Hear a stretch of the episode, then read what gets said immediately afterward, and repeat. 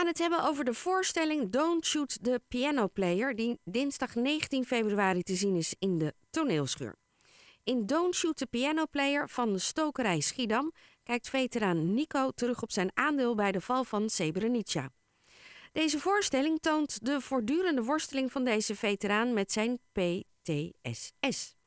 Die een, uh, die een uitlaatklep vindt in zijn omgang met de zingende etalagepop Cat.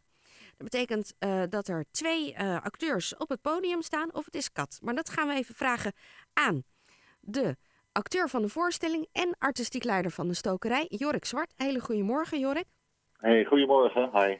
Um, ik ging al twijfelen over Srebrenica of um, Srebrenica. Ja. Of uh, toen dacht ik, wat is jouw uh, vondst geworden? Wel, wat is voor jou leidend? Ja, ik zeg uh, Srebrenica. Maar je hoort inderdaad heel veel verschillende uitspraken. En, en, ik heb ooit gehoord dat de, de correcte uitspraak is volgens mij op de eerste klinker de, de nadruk te leggen. Oh, oké. Okay. Dus, ja. Ik volg jou daarin. Srebrenica. Ja. Oké. Okay. Um, het is een uh, verhaal dat gaat nou niet over um, de mooiste periode van onze militaire geschiedenis. Nee. Um, wa waardoor werd je getriggerd door het verhaal dat je dacht, daar wil ik wat mee doen op het podium? Nou, dat, dat is gekomen dat ik, ik sowieso vind ik de, de, de, de lastige kant van een, een, onderwerp altijd wel interessant voor theater. Ik heb ook een voorstelling over Jan Montijn gemaakt. En dat gaat over een jongen die voor de Duitsers heeft gevochten in de Tweede Wereldoorlog. Uh, maar bij dit onderwerp dacht ik vooral, ik was zelf 17 toen, toen die oorlog gaande was. En ik kon me nog zo levendig herinneren dat ik daar echt ik totaal niet snapte waar, waar dat over ging, dat conflict. Omdat er zoveel partijen waren en zoveel verschillende belangengroepen. En, en dus en de, waar mijn referentie was altijd de Tweede Wereldoorlog. Nou, dan, dat was duidelijk. De Duitsers waren slecht en, en, en de geallieerden waren goed. En, en hier was er totaal geen taal vast hoe dat nou precies zat met al die Serviërs, Bosniërs en Bosnische Serviërs en moslims en Kroaten. En dus de, zoveel groepen. En um, dat is altijd wel, ja, daardoor is mijn, mijn fascinatie voor, voor dat conflict altijd uh, gebleven.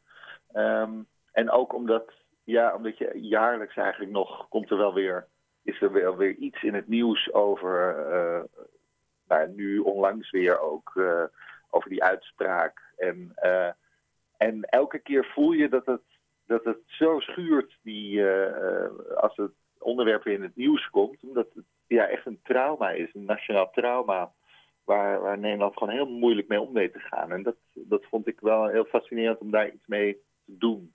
Je hebt er al mee gespeeld op de parade. Wat waren de reacties op het stuk? Um, die waren heel goed. Uh, we hebben het op de parade, uh, toen hebben we, uh, het uit laten brengen voor een half uur versie. Omdat we juist ook zo'n moeilijk thema, zo'n heftig thema wilden kijken van, van ja, kun je daar iets mee op zo'n festival waar, waar, over het algemeen toch wat lichtere voorstellingen staan. Dus we hebben de, de, de insteek van de voorstelling is, is, ja, is, is, licht en, en halverwege draait het om en, en, en komt ja, de heftigheid van het thema komt toch echt wel heel, heel erg naar voren. En dat, dat werkte heel goed op de parade. Dus dat was, de, de reacties waren daar, uh, waren daar heel goed op. Het was wel bijzonder om te zien. Maar merk je ook dat het dan nog leeft, het onderwerp, onder de bezoekers?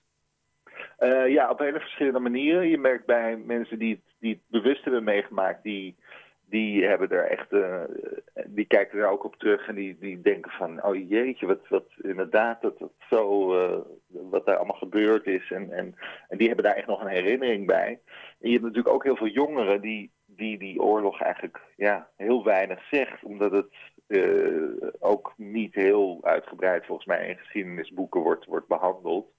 Um, dus die hebben er veel meer mee van, van hé, hey, wat is dit en wat is daar gebeurd? En, en zien ook het universele van, van, ja, van een, een uh, soldaat die uitgezonden wordt naar een oorlog en wat hij meemaakt en vervolgens terugkomt met PTSS.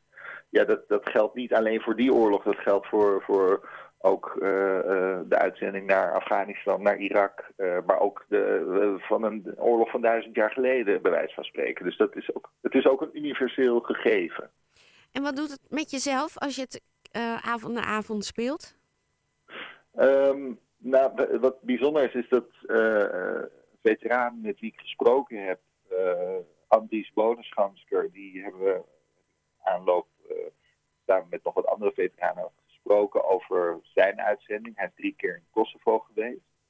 Um, en hij is mee met de voorstelling om uh, ook na afloop een nagesprek met het publiek te leiden. En ja, wat ik wel heel bijzonder vind, is dat, dat iedere avond dat, voorstelling samen met Kat, uh, die zingt. En dat, dat, nou, dat, is gewoon een mooie, mooie theatrale voorstelling. Maar vervolgens komt Andries dan het toneel op om ook even zijn echte ervaringen te vertellen.